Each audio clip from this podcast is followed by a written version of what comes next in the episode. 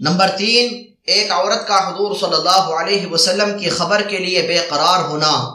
احد کی لڑائی میں مسلمانوں کو اذیت بھی بہت پہنچی اور شہید بھی بہت سے ہوئے۔ مدینہ طیبہ میں یہ وحشت اثر خبر پہنچی تو عورتیں پریشان ہو کر تحقیق حال کے لیے گھر سے نکل پڑیں ایک انصاری عورت نے مجمع کو دیکھا تو بے تابانہ پوچھا کہ حضور صلی اللہ علیہ وسلم کیسے ہیں۔ اس مجمع میں سے کسی نے کہا کہ تمہارے والد کا انتقال ہو گیا۔ انہوں نے انا للہ پڑھی اور پھر بے قراری سے حضور صلی اللہ علیہ وسلم کی خیریت دریافت کی۔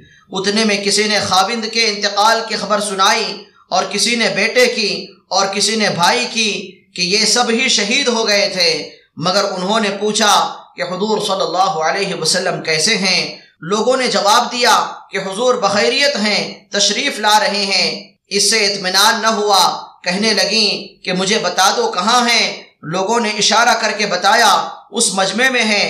یہ دوڑی ہوئی گئیں اور اپنی آنکھوں کو حضور صلی اللہ علیہ وسلم کی زیارت سے ٹھنڈا کر کے عرض کیا، یا رسول اللہ صلی اللہ علیہ وسلم، آپ کی زیارت ہو جانے کے بعد ہر مصیبت ہلکی اور معمولی ہے۔